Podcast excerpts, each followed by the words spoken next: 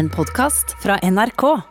De fleste vet jo at søvnmangel ikke er særlig bra for oss, enten det er fysisk eller psykisk, men nyere forskning viser at å sove for lite, det skader oss mye mer enn vi kanskje først hadde trodd.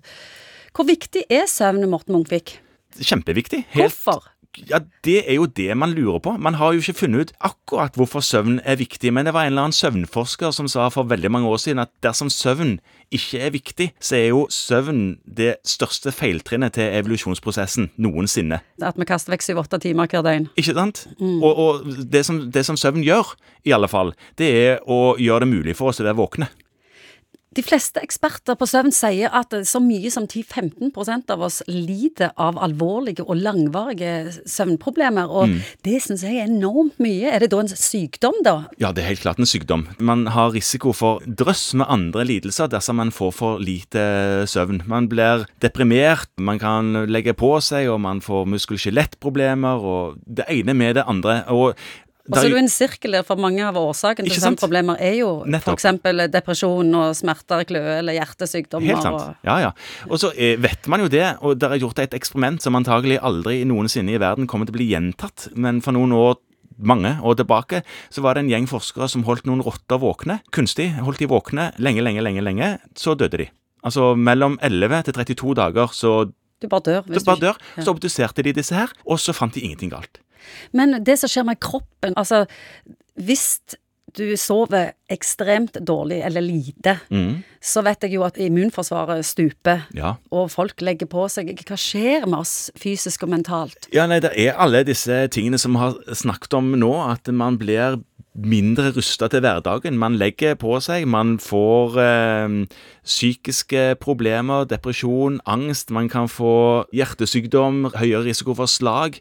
De som jobber netter, har jo høyere risiko for kreft, det er jo en forskning som nettopp er vist. Så dødeligheten er helt klart høyest hos de som sover dårlig.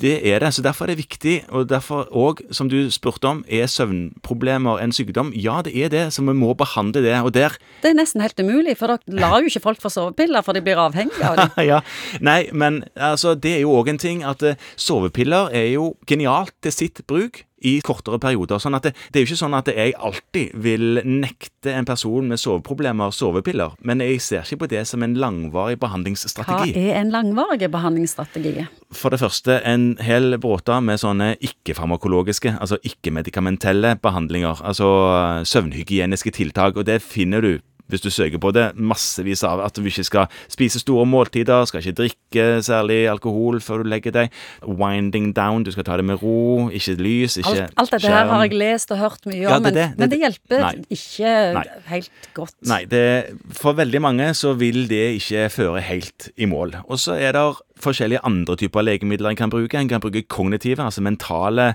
teknikker, hvor en går til kognitive terapeuter, psykologer, leger med særlig kompetanse innen det, som, som hjelper til med hvordan en skal tenke når en ligger der. For det ligger en der og begynner å kverne på at eh, nå får jeg ikke sove, ja, da vil veldig mange si at da er det gjort. Det hjelper ikke å telle en sau.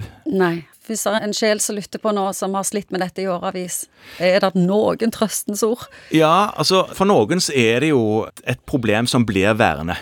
Det finnes spesialavdelinger i Helse-Norge som kan hjelpe til med de vanskeligste casene.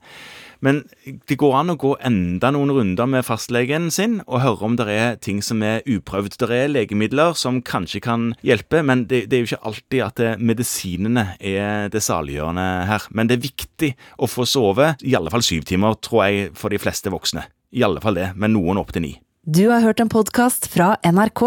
Hør flere podkaster og din NRK-kanal i appen NRK Radio.